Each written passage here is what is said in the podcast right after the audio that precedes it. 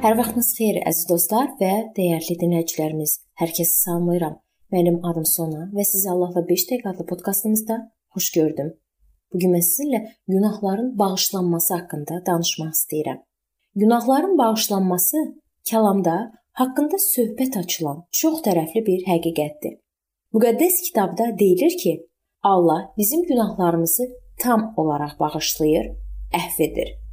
Bu Zəbur 51:3-də Yeşaya 38 17-də və İbranilərə məktub 10 16 17-də yazılıb. Əhd-i Cədiddə günahların bağışlanması birbaşa olaraq İsa Məsihin şəxsiyyəti ilə bağlıdır. O insanlara Allahın bağışlayan olduğunu və hər bir insanın onu şəxsən qəbul etməsinin zəruriliyini öyrədirdi. Həm də düşmənləri və günahkarları necə bağışlamalı olduğunuzun nümunəsi idi. Özünün dağüstü vəzində və digər yerlərdə İsa Məsih dəfələrlə insanlara bağışlamağı təlim edirdi. Matta 5:7-də yazılıb: Nə bəxtiyardır mərhəmətli olanlar. Əgər qardaşımızla aramızda hər hansı mübahisə və gərginlik yaşanıbsa, daim onunla barışmağa can atmalıyıq. Əgər başqalarına qarşı inciliyimiz varsa, onları bağışlamalıyıq ki, göylərdəki atamız da bizim təqsirlərimizi bağışlasın. Bu Mark 11-ci fəsil 25-26-cı ayələrdə yazılıb. Öz düşmənlərimizi sevməli, onlar üçün dua etməliyik. Matta 5:44. Əgər başqalarını bağışlayırıqsa, özümüz də bağışlanan olacağıq. Luka 6:37. Bağışlama imanlı insanlar üçün vacib əməldir. İmanlı olmaq üçün insan başqalarını bağışlamalıdır. Kəlamdan mən indi deyəcəyim parçaları oxuduqca müqəddəs kitabda Allahın bağışlanmasını qəbul etməyin və özünüzün də başqalarını bağışlamağınızın zəruriliyindən nə qədər tez-tez danışıldığına diqqət yetirin. Bağışlama sözünə müqəddəs kitabda müxtəlif qrammatik formalarda 100 dəfədən çox rast gəlinir. Kəlamdakı bu mətnləri oxuyun və bağışlamanın hansı barı gətirdiyinə diqqət yetirin. Gəlin bağışlamağın vacibliyi haqqında danışaq. Günah dünyaya ayaq açan kimi bağışlamağa ehtiyac yarandı.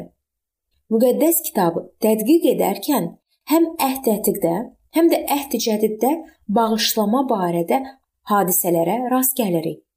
Əhd-ətiqi öyrənərkən Allahın günah içərisində olan bəşəriyyəti insanlara qurbanlar və yandırma qurbanları vasitəsilə bağışlanma imkanı verərək necə bağışladığını görürük. Mən günah etmişəm və ya biz günah etmişik ifadəsinə Əhd-i Ətiq səhifələrində dəfələrlə rast gəlinir. Zəburda əsasən də tövbə ilə bağlı məzmurlarda günaha görə bağışlanmağın olduqca vacib olduğunu vurğulanır. Əhd-i Cədidi oxuduqda isə görürük ki, bütün insanlar günah ediblər və ona görə də Allahın izzətindən məhrumdular. Baxın, Romalılara 3:9 23-də, 11:32-də və Qalatiyalılara məktubda 3:22-də bu fikir səslənir. Hamı günahın hökmü altındadır. Zəbur 31:5, 54, Süleyman məsəlləri 28:13 və 1-ci Yəhya 1, 7 və 9, 10-da bu fikir səslənir. Allahın bizi bağışlanmasını istəyiriksə, günahlarımızı etiraf edib günahdan uzaqlaşmalıyıq.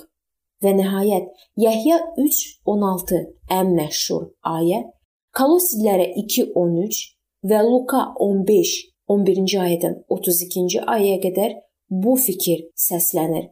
İnsan Allahdan günahının bağışlanmasını yalnız İsa Məsih vasitəsilə ala bilər.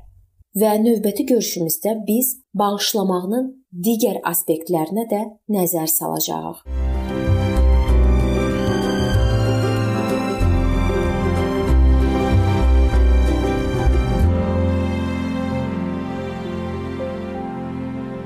Beləliklə əziz dostlar, bu yerdə bu mövzu sona çatdı. Hər zaman olduğu kimi sizi dəvət edirəm ki, bizim podkastlarımızı Facebook səhifəmizdən və YouTube kanalımızdan dinləməyə davam eləyəsiniz.